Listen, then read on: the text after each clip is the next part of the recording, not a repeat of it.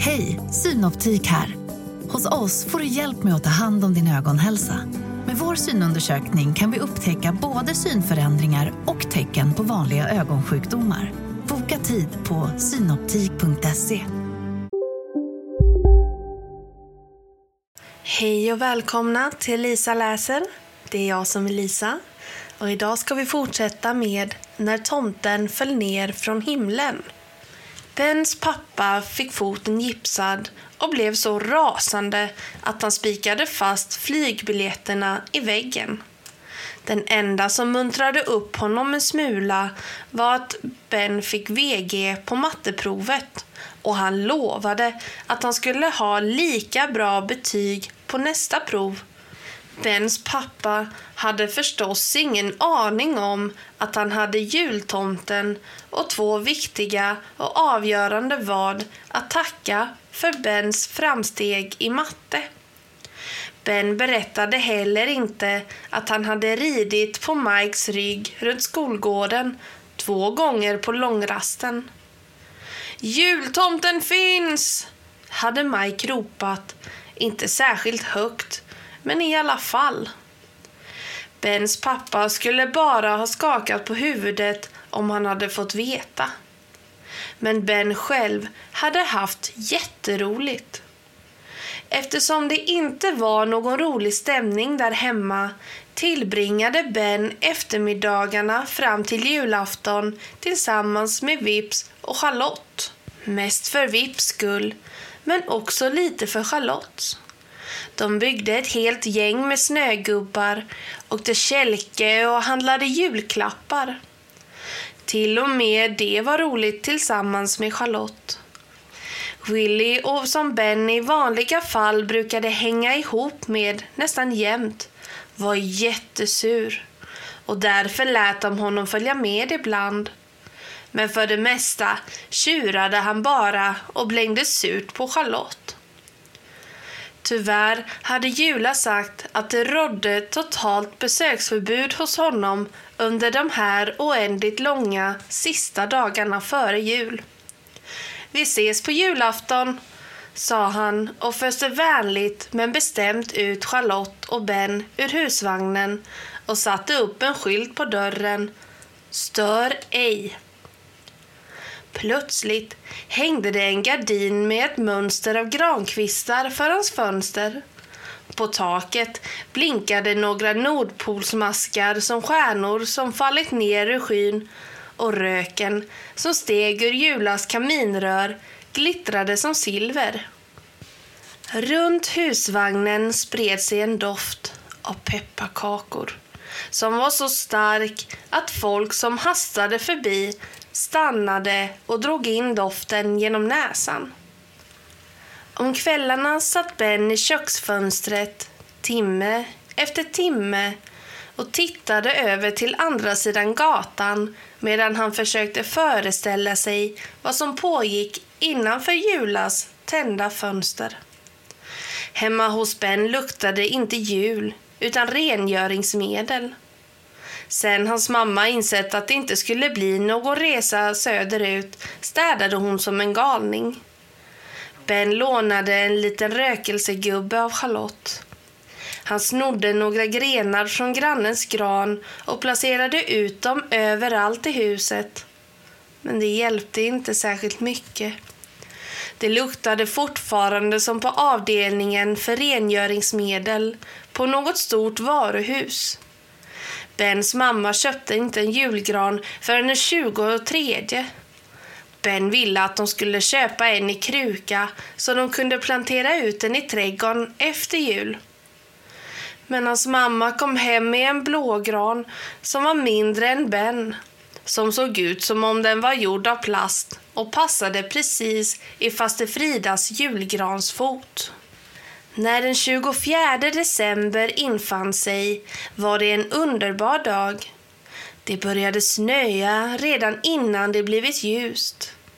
När Ben kom ner till frukosten höll hans mamma just på att tända några ljus och det låg en stjärna av choklad på deras assietter. God jul Ben, sa hon. Till och med hans pappa lyckades pressa fram ett skevt leende och hade knutit en röd rosett runt gipset. Ur radion strömmade julmusik. Vad tycker ni? Bens mamma tog en småfranska. Ska vi dela ut julklapparna klockan fyra, efter maten? Ben rynkade pannan. Fyra är för tidigt. Hur kommer det sig? frågade hans pappa. I vanliga fall brukar du inte kunna bärga dig. Ben tittade förläget ner i assietten.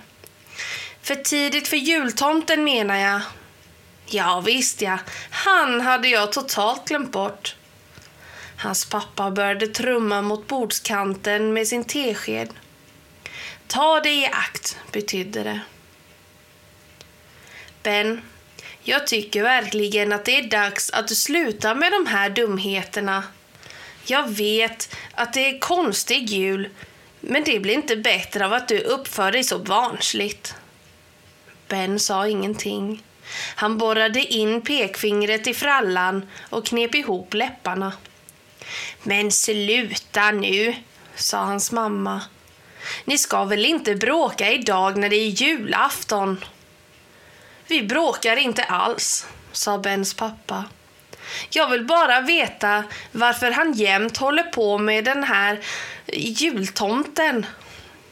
Det ringde på dörren. Jag öppnar, sa Ben. Utanför stod Charlotte. Hon hade fullt av snöflingor i håret. Vips puffade vänligt med nosen mot Bens knä. God jul! Sa Charlotte och räckte med ett generat leende över ett litet paket till Ben. Du får öppna det nu om du vill. Tack. Ben klappade Vips på hans stora huvud. Han kände sig så dum, för han hade ingen julklapp till Charlotte. Ska du inte be din kamrat att stiga in? sa hans mamma. Eh, tack, men det är ingen idé. Jag måste strax gå, sa Charlotte. Vi ska åka och hämta min moster vid tåget. Åh, så trevligt. Då får jag önska dig en god jul, sa Bens mamma och försvann ut i köket igen. Tyvärr är min moster inte ett dugg trevlig, viskade Charlotte. Hur dags tror du han kommer? Ben ryckte på axlarna. När det blir mörkt. Usch, suckade Charlotte. Det dröjer så länge tills det blir mörkt. Men öppna det nu, jag måste iväg. Ben fumlade med snöret. När han släppt av pappret ramlade ut ett marsipanbröd och en liten ren av plast. I hornen på den hade Charlotte bundit fast ett par bjällror. Som minne, viskade hon till Ben. Eh, tack, mumlade Ben. Jag menar, det är okej, okay, sa Charlotte. Vi ses snart, va? Och god jul! God jul! Ben stod och tittade efter henne när de pulsade iväg i snön. Hans blick föll på Julas husvagn. Inga tecken till liv där. Bara den silverfärgade röken som fortfarande steg mot himlen. Det här väntandet är jobbigt, tänkte Ben och ryckte till när hans mamma knackade honom på axeln. Vad står du här och drömmer om? Rar flicka, men stäng dörren nu, det blir så kallt. Hon drog med fingrarna genom Bens hår och föste in honom i vardagsrummet. Kom, nu klär vi granen. Ben gillade fortfarande inte det där konstiga lilla trädet. Men för varje kula han hängde i de taggiga grenarna kom han mer och mer i julstämning. Annars brukade hans mamma alltid lägga sig i vad han gjorde när de klädde granen tillsammans. Nej, det blir för mycket glitter. Eller, nej, häng den där kulan där istället, älskling. Men idag lät hon honom hållas. Hon protesterade inte förrän Ben lät den tjocka tomten som såg ut precis som Herman Helgerån ligga kvar i kartongen. Men den brukar vi ju alltid ha i toppen. Varför gillar du plötsligt inte den längre? För den... Den... Ben placerade en liten ängel av trä i toppen. Den ser inte äkta ut. Ser den inte äkta ut? Hans mamma plockade upp tomten ur kartongen och höll den framför näsan på Ben. Men hur ska en tomte annars se ut? Ja, inte som den, sa Ben. Hon skakade på huvudet. Ben, ibland är du faktiskt lite märklig, mumlade hon men la tillbaka Hermantomten i kartongen igen. När granen var färdigklädd la hon armen om Bens axlar och tryckte honom intill sig. Fin, sa hon. Du ska se att det blir en fin julafton, även utan tomte i toppen. Bens pappa kom inklinkande stödd på en käpp. Kryckan som doktorn hade gett honom stod inne i garderoben. Han vägrade använda den.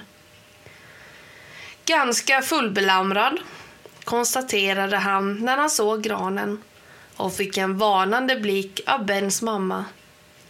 Hur mycket är klockan? frågade hon. Tolv. Oj, så mycket redan. Då borde ju jag ha börjat med maten för länge sen. Bens mamma försvann ut i köket. På julafton tillagade Bens mamma alltid något speciellt. Hans pappa gillade det, men inte Ben. Han gillade inte speciell mat och han gillade inte att hans mamma tillbringade nästan hela julafton i köket och att han måste fördriva tiden tillsammans med sin pappa. Det kunde nämligen vara ganska jobbigt och för det mesta brukade Ben ta sin tillflykt till Willy på julaftons eftermiddag. Men Willy var fortfarande sur på grund av Charlotte. Bens pappa sjönk ner i soffan med en suck. Ska vi spela något spel? frågade han.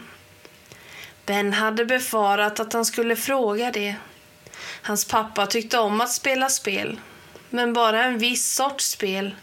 Frågespel. Han kallade dem för kunskapsspel och tog det på stort allvar.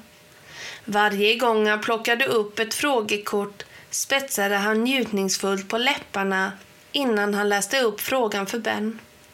Och kunde Ben inte svara resulterade det oundvikligen i ett längre föredrag. Nej, Ben hade inte lust att spela något. Jag har ett par julklappar kvar att slå in, sa han. Jaså? Jag trodde det var jultomten som kom med dem, sa hans pappa. Du kan ge mig fjärrkontrollen. Kanske visar de något intressant för en gångs skull.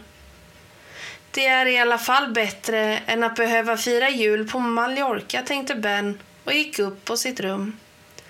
Han satte sig vid skrivbordet framför fönstret, slog in biltidningen till pappa och kokboken till mamma och tittade ut på snön som föll. Åh, Jula, tänkte han. Jula, när kommer du? Han tog upp Charlottes julklapp ur byxfickan. Marsipanen hade blivit lite mosad, men smakade lika gott ändå. Och renen var faktiskt lite lik stjärnskott. Ben ställde den bredvid vasen med grankvistar som hans mamma hade ställt på hans skrivbord.